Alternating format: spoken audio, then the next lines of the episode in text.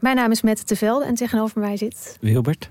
En ik heb vrij veel last gehad van neerslachtigheid, eigenlijk nog steeds wel in het leven. En depressies. En volgens mij gaan we dat proberen op te lossen. We gaan jou redden. En de rest van de mensen. En de toch? rest van de mensen. Ja. Wie redt Wilbert? Dat is de vraag. Wie helpt hem bij de kwesties en problemen van vandaag? Luister naar Wie redt Wilbert en de rest van de mensheid. Een podcast van de VPRO voor NPO Luister. Kijk, de Jordaan. Daar ben ik geboren en getogen.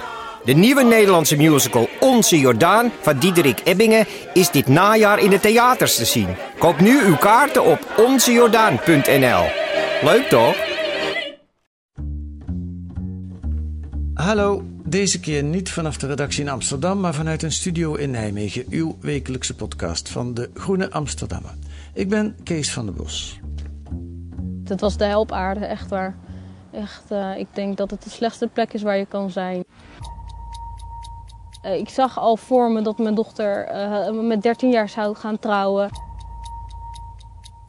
Dat mijn zoon wordt opgevoed als zelfmoordterrorist.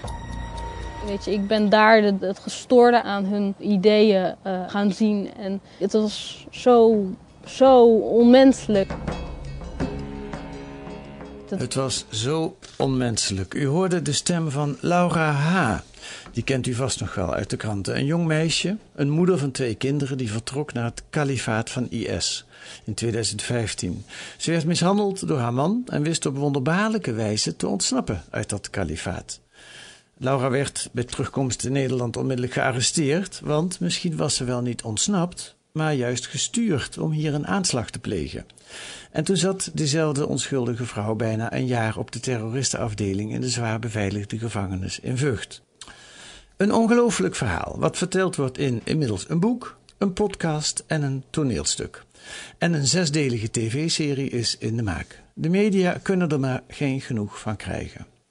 En wat een beetje ondergesneeuwd dreigt te raken, is de gruwelijke schending van de mensenrechten die daar plaatsvond onder IS. Slavernij, verkrachtingen, geweld eigenlijk tegen iedereen die niet gelooft. Daarover, of eigenlijk over het lot van de andere terugkeerders uit IS, schrijft Tjitske Linksma deze week in De Groene. En nu zit ze thuis waarschijnlijk voor dit interview voor de podcast. Dag Tjitske, Hallo, waar spreek ik je? inderdaad vanuit Amsterdam. Ah, er zit een hele kleine vertraging op de lijn, maar daar gaan we gewoon eh, eh, rekening mee houden. Ehm, jouw artikel in De Groene van deze week begint ook met dat verhaal van Laura H. Wat in het boek door Thomas Ruip, dat moeten we even noemen, de NRC-journalist, prachtig is opgeschreven. Ehm, is jouw onderzoek eigenlijk ook met dat verhaal begonnen, of is dat alleen maar het begin van het artikel? Nee, daar is wel eh, voor dit, eh, dit verhaal in ieder geval eh, mijn onderzoek wel mee begonnen. Want ik kwam in contact met een aantal onderzoekers van het eh Yazidi Legal Network. En eh, zij eh, hadden zich uitgebreid bezig gehouden met de zaak van Laura H. En ehm, maanden boek gelezen, nog een keer gelezen. ehm, vergeleken met de rechtszaak eromheen gelezen. Dus ehm, zij hadden zich een, een, een oordeel gevormd. En ze wilden het ook wel lezen om te kijken van... nou ja, dit is een terugkeerder... eh, waar veel informatie over is. Dus hoe is het als je naar zo'n zaak kijkt? Ja, ja. En dit is het uh, Yazidi Legal Network. Dus uh, dat is een, een, een, een netwerk, een groep van juristen met name... die zich inzetten voor gerechtigheid van Yazidis. Mm -hmm. Een groep in Irak met name die heel zwaar is vervolgd door, uh, door IS. Ja. ja, dat moeten we dan wel weten. Die, die Yazidis werden door de IS als slaven gebruikt. Ze zijn aangevallen, ze zijn vermoord, ze zijn verdreven, mensen zijn gevangen genomen, uh, mensen zijn op slavenmarkten verkocht. Hm. Um, uh, misdrijven die gekwalificeerd worden als genocide. Ja, ja, ja.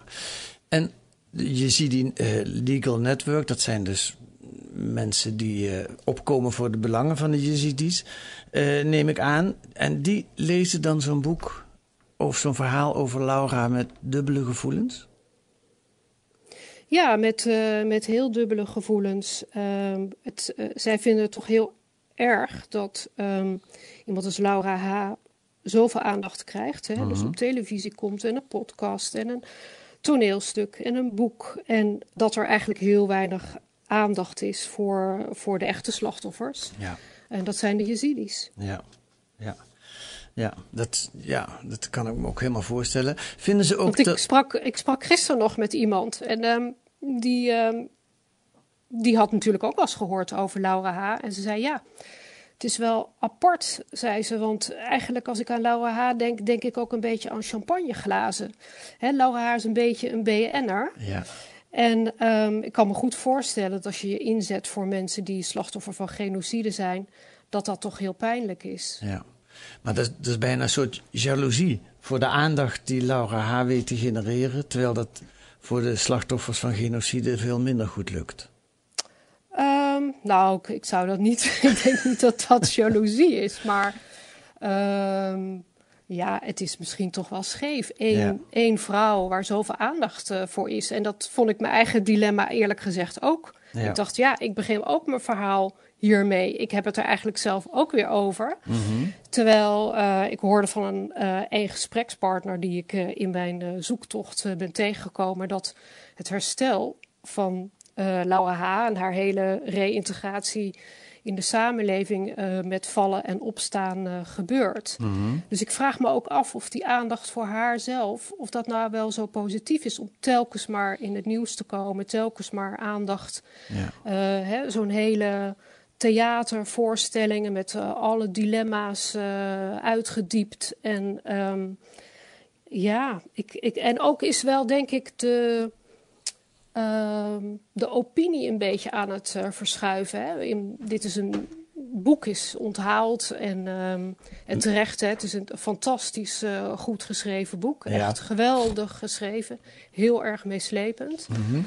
um, maar zo langzamerhand, uh, en het is een bestseller natuurlijk, ja. um, zeer bejubeld. Maar de sfeer is wel een beetje aan het veranderen. Hè? Toch wel van, nou ja, um, wie is er nu eigenlijk? Wat staat erin? hoe is het gepresenteerd? Uh, welke, uh, dat, dat, hè, zij is eigenlijk in zekere zin, ik heb er heel erg veel over nagedacht. Mm -hmm. Zij is in zekere zin ongrijpbaar. Ja. Uh, terwijl je toch meer dan 500 pagina's over haar leest. Ja. Um, vind ik haar op een of andere manier ongrijpbaar. Omdat ze, en dat stond ook nog in een recensie. Hè, is ze nu slachtoffer? Is ze dader? Is ze leugenaar? Is ze meeloper? Wat, wat, wat is zij eigenlijk? Ja. En het is, ik heb een proces bijgewoond uh, tegen een andere terugkeerder. Ja, welke? Oussama. Ja, die ook berecht Oussama is. A. Ja. Uh, en die, dat proces was in de de zomer van uh, 2019. Mm -hmm. Dat is ook iemand met een hele beroerde jeugd, nog veel beroerder. Die was dakloos, uh, kon niet, uh, geen school wilde meer hebben, hij had geen werk. eh, drie keer gezakt voor zijn rijbewijs zelfs met geleend geld. En nou ja, die jongen die zat totaal aan de grond. Mm -hmm. En is naar IS um, afgereisd. Is daar iets wat hij zelf ontkent hoor, maar bij het uh, Sniper Battalion uh, terechtgekomen. Ja. En um, stond op de, hè, wat dat betreft ook op de loonlijst van IS. Mm. Maar als je naar zijn verhaal luistert, je zit in zo'n rechtbank, ja, dan. Ik heb daar toch niet zulke dubbele gevoelens bij, eerlijk gezegd. Dat ongrijpbare is er niet. Ik denk, ja, ja dat is toch uh, iemand voor wie het leven in Nederland heel erg ingewikkeld en moeilijk was. En aan de grond zat Mhm. en vertrokken is. En vreselijke dingen ongetwijfeld heeft meegemaakt en nu weer in Nederland zit. Ja. En uh, ja, voor de rechter staat. Het verschil zou ook kunnen zijn dat Osama ook vreselijke dingen gedaan heeft waar Laura dat misschien wel niet gedaan heeft. Ja, dat zeker. Zeker. Want zeker. Dat, dat is wel het gekke. Ik, ik heb ook het boek gelezen en ook naar de podcast geluisterd. Je krijgt heel veel informatie over Laura en over haar beweegredenen en wat zij meemaakt. Maar eigenlijk is IS onzichtbaar in het boek. Het is het grote kwaad wat op de achtergrond is, maar er wordt nauwelijks iets, iets beschreven uh, dat, dat je kunt merken dat ze het meemaakt dat ze daar in door IS geregeerd gebied is, in het kalifaat is. Zeker, zeker. Sterker, toen ik mijn verhaal aan het maken was, Ja. ehm, ben ik op een gegeven moment eh, naar ehm, YouTube-filmpjes gaan zoeken. Over, dat was dan weliswaar over Raqqa. eh, waarin iemand eh, de straat oploopt met een, met een camera. Een geheim, hè, geheim filmt, buiten op straat filmt. Gewoon om eens de sfeer eh, te krijgen. En dat moest allemaal zo geheim gebeuren dat je daardoor wel wat angstigere gevoelens krijgt dan als je leest over hoe Laura op straat loopt in Mosul. Ja. En dat is een enorm contrast. En ehm, ja, en het is merkwaardig eigenlijk als je het, eh, als je het boek leest. Ja. Hè, Mosul komt best wel als een hè, zijn, eh, internetcafé, restaurantjes, is een busstation. eh, ja, als een vrij normale stad over. Ja. Wat je alleen wel heel duidelijk meekrijgt, is de beklemming van het vrouw zijn. Je mag helemaal niks hè, als vrouw in, in, in, in het kalifaat. Zij mag ook helemaal niks zonder toestemming van haar man. En, en, en, maar goed, dat kan, in, dat kan ook in Nederland gebeuren, zo'n behandeling bij wijze van spreken. Dat sterker nog, een deel van de. Ze werd mishandeld door haar man, dat gebeurde ook al toen ze in Nederland was. Zeker, zeker. Ik vind het ook bijna eh, eerder een boek over een vrouw die mishandeld wordt. Ja, Hè, en ik vind ook dat hij dat wel heel erg goed beschrijft. Hè? Hoe hij, ja, dat, dat eh, vind ik uh, buitengewoon knap. ja, Maar ehm, ja, ik vind als journalist ehm, moet je toch ook die context eh, schetsen. ja. En eh, ik vind het een beetje onbegrijpelijk dat hij dat niet doet. Hij gaat heel erg met haar verhaal mee. Het is echt heel erg haar verhaal. En zo blijft zij eigenlijk ook wel. Kijk, het, ehm, mensen die met ehm, gerechtigheid bezig zijn, lezen zo'n boek ook op waar zitten eventueel wel misdrijven waar zij bij betrokken is. Hè, die lezen op die manier. Ehm, en er zit één, eh, ik denk één aspect aan waar je meer onderzoek naar zou kunnen doen. En dat is het huis waar zij eh, ja gaat dat, wonen. Dat dacht ik al, ja. En ehm, zij zit eerst in het begin zitten ze in een soort krot. Het is een verschrikkelijk huis. Eh, en ze wordt natuurlijk mishandeld. Dus het is een buitengewoon eh, ingewikkelde, eh, verschrikkelijke situatie waarin ze verkeert met haar twee kinderen ook. En dan ehm, vindt eh, Ibrahim, haar man, een, een, een, een soort villa. En daar mogen ze in. Dat is ook al merkwaardig als hij, want hij werkt dan niet meer. Hij heeft geen zin meer om te werken, om iets te doen voor IS. Dat is ook heel merkwaardig, heb ik me door, laten vertellen door specialisten. Eh, omdat eh, IS dat eigenlijk natuurlijk niet, niet accepteert. En dan krijgt deze man eh, opeens, vindt hij een villa en nou, hij, hij staat daar niet netjes met de sleutel op de stoep. Hij heeft het, huis ook niet netjes eh, gehuurd of gekocht. Nee, hij trapt de deur in en daar treffen ze allemaal spullen aan van de vorige bewoners. Die waarschijnlijk zijn gevlucht of vermoord. Dat, Ja. dat weten we niet. Dus, eh, en Laura H. laat door Thomas Rup wel opschrijven dat eh, vrienden van haar eh, ook in een mooi huis wonen. en dat, ze dat, dat dat natuurlijk inderdaad waarschijnlijk is van gevluchte dan wel vermoorde mensen. De, de koever. Maar als het over haar eigen huis gaat, als het over hun eigen huis gaat, Ja. het staat ook in het boek van laten we het daar maar niet over hebben. Ja. Dus zo blijf je wel netjes, of handig zou ik willen zeggen, Ja. weg bij een eventueel eh, oorlogsmisdrijf, wat het kan zijn. Hè? Ja, ja. ja goed, dit, dit, dit is vrij gedetailleerd, maar dat is toch wel goed, want het raakt aan een thema. Kijk, eh, Laura H. is een van de ongeveer 300 eh, uitreizigers vanuit Nederland hè, die naar het kalifaat zijn vertrokken. Ja. Ehm, ik begrijp dat er nog zo'n 135 in het buitenland zitten. Ja. Eh, en dan zijn er ook nog meer dan 200 kinderen. Die zijn dan nog niet eens meegeteld, denk ik. Hè? Die zijn niet meegeteld. Nee, Nee, er zijn er ook 105 eh, gesneuveld. Ja, ja. En, en Waaronder misschien Ibrahim, hè? dat weten we niet. Nee, nee. We zien hem in het boek ligt hij op een gegeven moment bloedend op de grond en de volgende dag is hij weg. Maar waar die, Ja. waar die gebleven is, weten we niet. Maar waar het, waar het aan raakt is dat het ook verschrikkelijk moeilijk is natuurlijk om vanuit Nederland, eh, en dat is een probleem waar de Nederlandse justitie mee zit, elke keer als mensen terugkeren, dan worden ze in principe, dat is bij Laura H. ook gebeurd en bij Osama die jij net noemde ook, dan word je gearresteerd. Want je hebt eh, nou, bij een criminele organisatie, bij een terroristische organisatie, heb je meegedaan. En eh, wie weet wat voor, wat voor zaken je op de kerf, wat dingen je op je kerfstok hebt. En wie weet wat je in Nederland nog van plan bent om te gaan doen. Maar dat is natuurlijk vanuit Nederland heel erg moeilijk om dat te onderzoeken. Ja, er zijn uh, 65 uh, mensen teruggekeerd. Ja. Ik heb het uh, Openbaar Ministerie gevraagd van hoeveel zijn er nou eigenlijk vervolgd. Hè? Ja. Uh, dat konden ze mij niet vertellen. Ja, wat is, ik heel merkwaardig vind. ja, dat is gek hè? Ja. Want dit, dit, worden, dit zijn mensen die men potentieel gevaarlijk acht. Maar ze zeiden dat hebben ze niet bijgehouden. Dat hebben ze niet bijgehouden. Um, althans, ze zeiden van daar kunnen we niet aan helpen. Dat waren de Nou, woorden. Van hoeveel weet jij het? Hoeveel zijn er berecht dat jij het weet?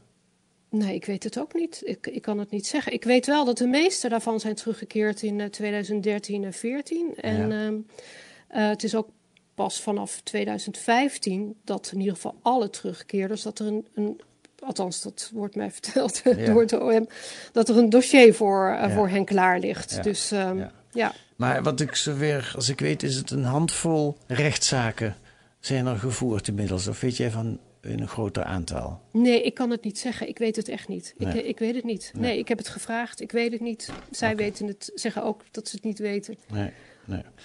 Nou wil ik het even wat breder trekken, want die problematiek van eh, onderzoek doen in het buitenland naar misdaden in het buitenland gepleegd, dat is iets waar jij al veel meer en veel vaker over geschreven hebt. Want ik ken jou van het boek eh, All Rise, eh, allemaal opstaan, eh, de grote ambities van het inter- internationaal strafhof en de weerbarstige werkelijkheid. Eh, het internationaal strafhof, moeten we even kort eh, neerzetten, zetelt in Den Haag. En dat was eigenlijk een enorm hoopvol iets toen dat, hoe lang is het eigenlijk geleden, toen dat gestart werd. Ja, formeel in uh, 2002, maar in, uh, uh, het is eigenlijk opgericht uh, formeel in 1998. Hè? Mm. Dus de jaren 90 waar, zijn echt de jaren geweest waarin um, internationale gerechtigheid uh, vorm kreeg in, uh, in tribunalen en, en, en, en strafhoven. Dus Ja. hè, het Joegoslavië-tribunaal, Rwanda-tribunaal. Ja.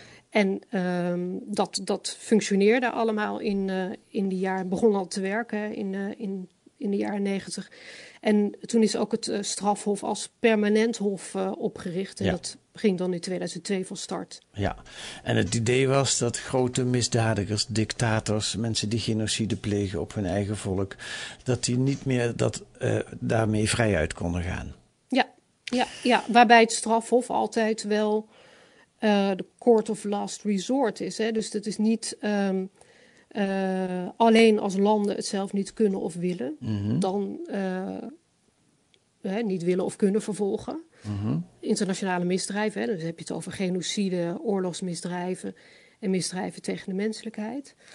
Als landen dat zelf niet kunnen of willen, dan uh, komt het strafhof in actie. Ja, ja. En wat ik me nou herinner uit dat boek, het is al wel een tijd geleden dat ik, dat ik het gelezen heb, is dat je dat, dat ook jij met hoge verwachtingen daarnaar ja. begon te kijken en dat de praktijk behoorlijk bitter was. Ja, ik weet nog heel goed dat ik de eerste dag daar um, op de publieke tribune zat. Op een uh, hele koude, grijze januari-dag. En uh, luisterde naar uh, de verklaring van een slachtoffer mm -hmm. uit de Centraal-Afrikaanse Republiek. Mm, en dat is, dat is heel aangrijpend. Hè? Dus je Ja. ziet, um, ja, dat is een hele aangrijpende verklaring over, over een uh, groepsverkrachting, over een moord. En dus aan de andere kant zie je de, de, de verdachte uh, met de advocaat en, en, en uh, aan, de, aan de overzijde de aanklager. En dan zijn er nog uh, juristen die er zijn voor de slachtoffers en de rechters. Mhm. Ja, dat is toch een, uh, een heel imposant uh, geheel. Ik was heel enthousiast. Ja. En dit was ook nog eigenlijk wel in het begin, van, de, van redelijk in het begin. Mhm. Um, totdat um, ik, ja, naarmate ik dat strafhof langer volgde, de ene zaak naar de ander zag mislukken. Ja. En dat staat allemaal niet zo netjes op de website. Hè? Mhm. Het strafhof uh, zet maar wat getallen op de website. Uh, waar een leek werkelijk niet, uh, geen wijs uit kan. Maar ik heb het voor vandaag toch nog eens even op een rijtje gezet. Ja. Um, er zijn vijf ehm, veroordelingen voor uh, oorlogsmisdrijven, misdrijven tegen de menselijkheid. Maar er zijn twaalf van dat soort zaken eigenlijk mislukt. Hm. Ja. ja. dat is voor zo'n instituut, wat toch, uh, ik denk inmiddels, uh, ik, maar 1,3 miljard uh, heeft gekost. En bijna 20 jaar bestaat, dan is vijf, voor, vijf ja. veroordelingen is dan niet echt veel. Nee, maar nee. het toont ook wel aan hoe heel moeilijk het is. Ja, ja. Ja. nou, ja. Is, en, en, moeilijk om bewijs. En, en, en bovendien, de aanklagers zaten soms gewoon totaal verkeerd met hun hele aanname over de situatie in een land. Hè. Dus zeg maar, de theorie van de zaak klopte niet. Ja. ja dat is vrij schokkend om uh, naar te kijken, moet ik zeggen. Ja. ja. Goed, laten we dan weer. Dat, dat is een beetje de context. Hè. Laten we dan weer teruggaan naar deze terugkeerders. Wat vind je eigenlijk dat er met die Nederlanders die dus naar uh, kalifaat afgereisd zijn en die nu vaak, uh, voor zover we weten, in kampen gevangen zitten. wij doen, Nederland doet er actief niks aan om ze terug te halen. Zou dat wel moeten eigenlijk, vind je? Ja, de experts die je erover spreekt vinden dat eigenlijk wel. Hè? En waarom? Um, omdat zij vinden dat uh, mensen die in die kampen zitten. Um, um, bij kampen, hè, je wil zeggen dat ze vastzitten eigenlijk. Hè? Dat, mm -hmm. bedoel, je er, dat mm -hmm. bedoel je ermee. Ja. Dat die kampen eigenlijk uh, lek zijn. Hè? Dat mensen daaruit kunnen vertrekken. Dat mensen ook weer door kunnen reizen naar een volgend uh, conflict. En dat, het, dat je daarmee eigenlijk ja, bijdraagt aan uh, voortduren van, van geweld. Ja ja. ja. Het zijn potentiële menselijke bommen die daar eigenlijk nou ja, gekweekt dat ze alleen maar geharder worden. En ik denk ook dat dat voor die kinderen ook geldt. Hè. Die hebben natuurlijk uh, vreselijke dingen meegemaakt. Um, vanaf een zekere leeftijd zijn ze zelf ook nog uh, getraind. Dus uh, dat, ja. is, dat is problematisch. Maar wat ik wel weer interessant vond... Uh, Nederland heeft dan geen cijfers over uh, hoeveel mensen er vervolgd zijn hè, van die mm -hmm. terugkeerders. Mm -hmm. Maar de Britten hebben dat onlangs wel vrijgegeven. En het blijkt dat in Engeland uh, 1 op de 10 terugkeerders wordt vervolgd. Ja. Maar daarbij zei de regering of de, de minister die hierover gaat, zei dat het ook opviel dat um, nogal, ja, dat de meeste eigenlijk geen groot gevaar vormen. Dat is ook nogal fascinerend. Hè? Ja. Dus dat je, ik, ik heb ook wel eens een verhaal geschreven over hoe worden gewone mensen oorlogsmisdadiger. Mhm. Mm -hmm. Ja, dat is ook um, de context die het maakt. Hè? Dus uh, zit jij in een oorlog, dan ga jij meedoen met oorlogsmisdrijven. Mm -hmm. Uh, hè, of kan, niet mm -hmm. iedereen natuurlijk, maar hè, dan kan je daarin in, in, in meegesleept worden, in ja. opgenomen worden in groepen en uh, al dan niet onder dwang. Mm -hmm. um, en blijkbaar is dat voor um, mensen waarvan wij vinden dat dat uh, leden zijn, mensen die zich aangesloten hebben bij terroristische groepen, eigenlijk ook zo. Ja. Maar uit het Brits... Tenminste, dat is mijn conclusie. ja.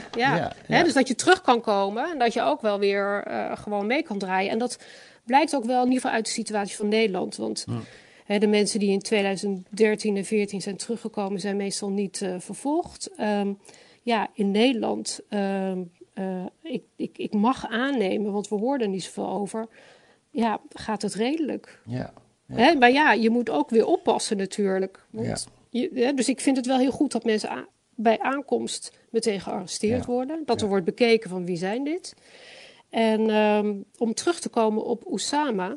Ja, want laten we even. Je zegt dus de, uit het Britse onderzoek blijkt dat best veel mensen eigenlijk ja, niet als die politieke bom waar we zo bang voor zijn. Ja, dat, dat zegt de overheid, hè? Dat zegt, de, overheid, regering. Ja, Eh, nou bij Laura is dat ook duidelijk. Die heeft er grote spijt van dat ze überhaupt ooit naar het kalifaat vertrokken is. Dat is, heeft ze van vrij, vanuit vrij naïeve eh, overtuigingen gedaan. Weliswaar bewust, maar niet, niet zo'n geharde strijdster is het, eh, was het toen ze ging. Hoe zit het bij Oussama, die, die, waarvan jij de rechtszaak gevolgd hebt? En Nou die, ja. die heeft 7,5 jaar eh, gevangenisstraf gekregen. Ja, Oussama is. Kijk, in Nederland uh, worden mensen vervolgd voor deelname aan terroristische organisaties, hè, die terugkeerders met name. Ja. En dan kijk je, ze, hebben ze, zijn ze lid geweest van, van IS bijvoorbeeld. Mhm. Uh, of uh, een andere, uh, Al-Nusra of een andere organisatie. Mhm. Um, maar als je ze daarop vervolgt, dan gaat het eigenlijk alleen maar over dat lidmaatschap wat bewezen moet worden, wat ook nog niet altijd even makkelijk is.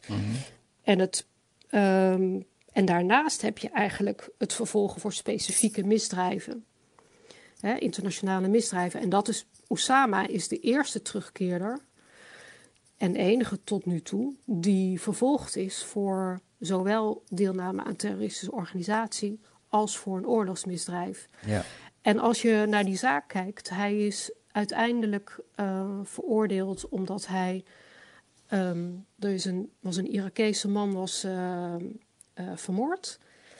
En hij had zo'n oranje overal aan. Het slachtoffer is op een kruis gehangen. En Oussama staat daar lachend eh, naast. En er is een foto van hem gemaakt. Een selfie zelfs, geloof ik. Ja, ik geloof een selfie zelfs. Ja. Ja. Dus hij staat daar lachend op de foto naast dat slachtoffer. en En dat, dat- is dus Dat is al een, een oorlogsmis. oorlogsmisdrijf. Precies, Ja, ja. hè, want je, ehm, je vernedert eh, het lichaam van iemand die zich niet meer kan verdedigen. Ja. Maar dit slachtoffer heeft een naam.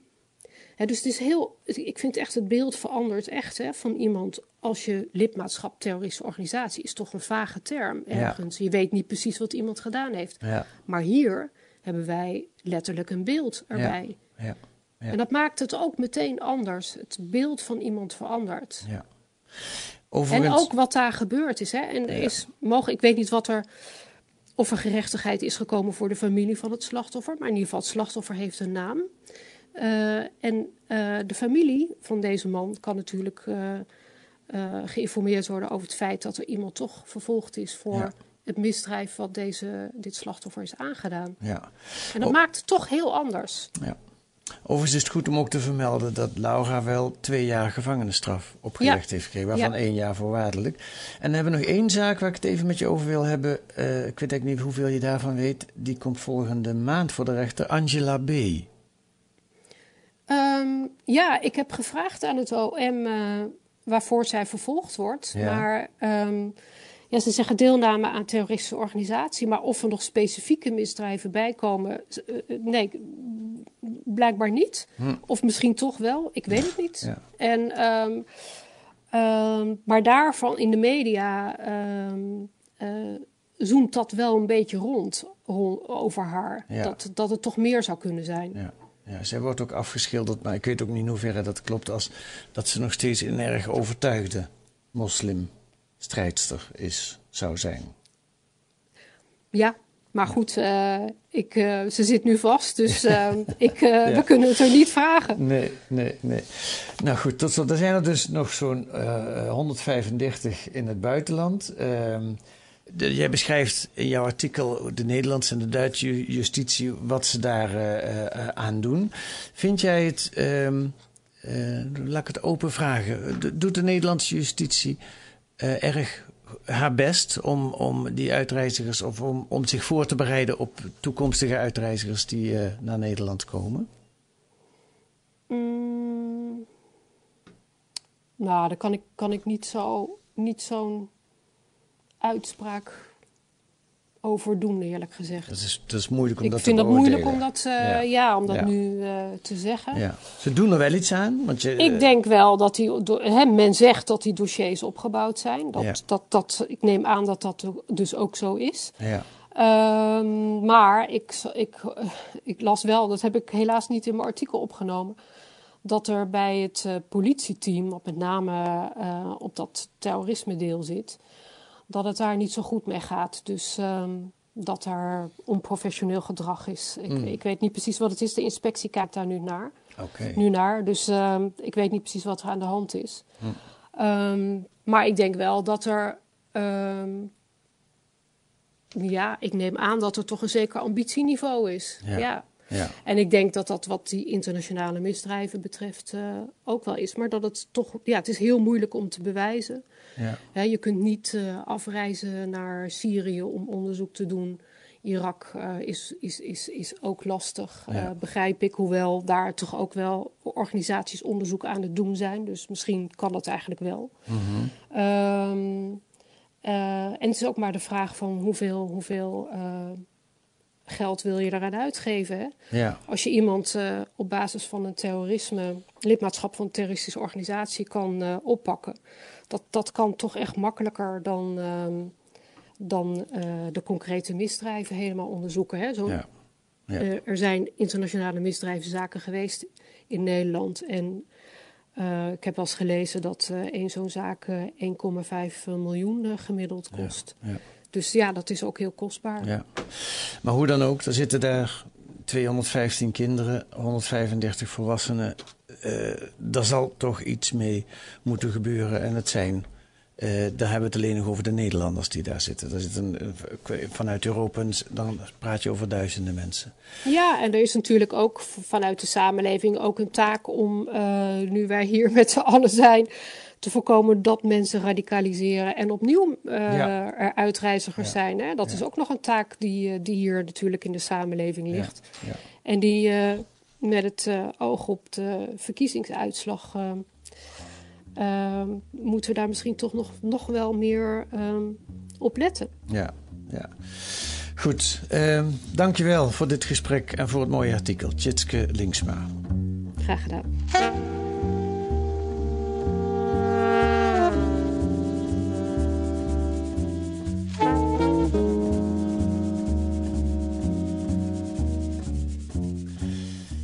Lees deze week in De Groene ook een onderzoek naar de talkshow-democratie. Drang om te scoren en zoeken naar conflict. Op jacht naar hoge kijkcijfers. Talkshows als Jinek, Op 1 en de vooravond beïnvloeden de verkiezingsuitslag. Kunnen we onze democratie wel overlaten aan Margriet, Eva, Sven, Jort en al die anderen? En dan is er ook nog een onderzoek van Investico naar de plaatsing van windmolens en zonnepanelen in natuurgebieden. Dat gebeurt steeds vaker. En ja, in natuurgebieden heb je minder last van boze boeren en burgers. Maar is dat een goede ontwikkeling? Dat kunt u lezen met een abonnement of een proefabonnement. Ga dan naar groene.nl. Daar leest u hoe u uh, 15, uh, nee, 10 weken de groene kunt krijgen voor 15 euro. U kunt reageren op deze podcast via de mail. Ons adres is podcast.groene.nl. U kunt ons ook sterren geven in uw podcast-app of een korte recensie schrijven. Daar worden wij weer blij van. En volgende week uh, zijn wij er weer. Dat wil zeggen, de komende vijf weken krijgt u een nieuwe gast hier in deze podcast. Ik ga er vijf weken tussenuit. En Stefan Sanders gaat u de komende vijf weken door analyses en achtergronden bij het nieuws leiden. Zoals die zijn weerslag vinden in artikelen in de Groene Amsterdammer. Deze week werd die gemaakt door de podcast door Mirte Meijnes en Kees van der Bos. En de muziek is het Tune for N van Paul van Kemenade.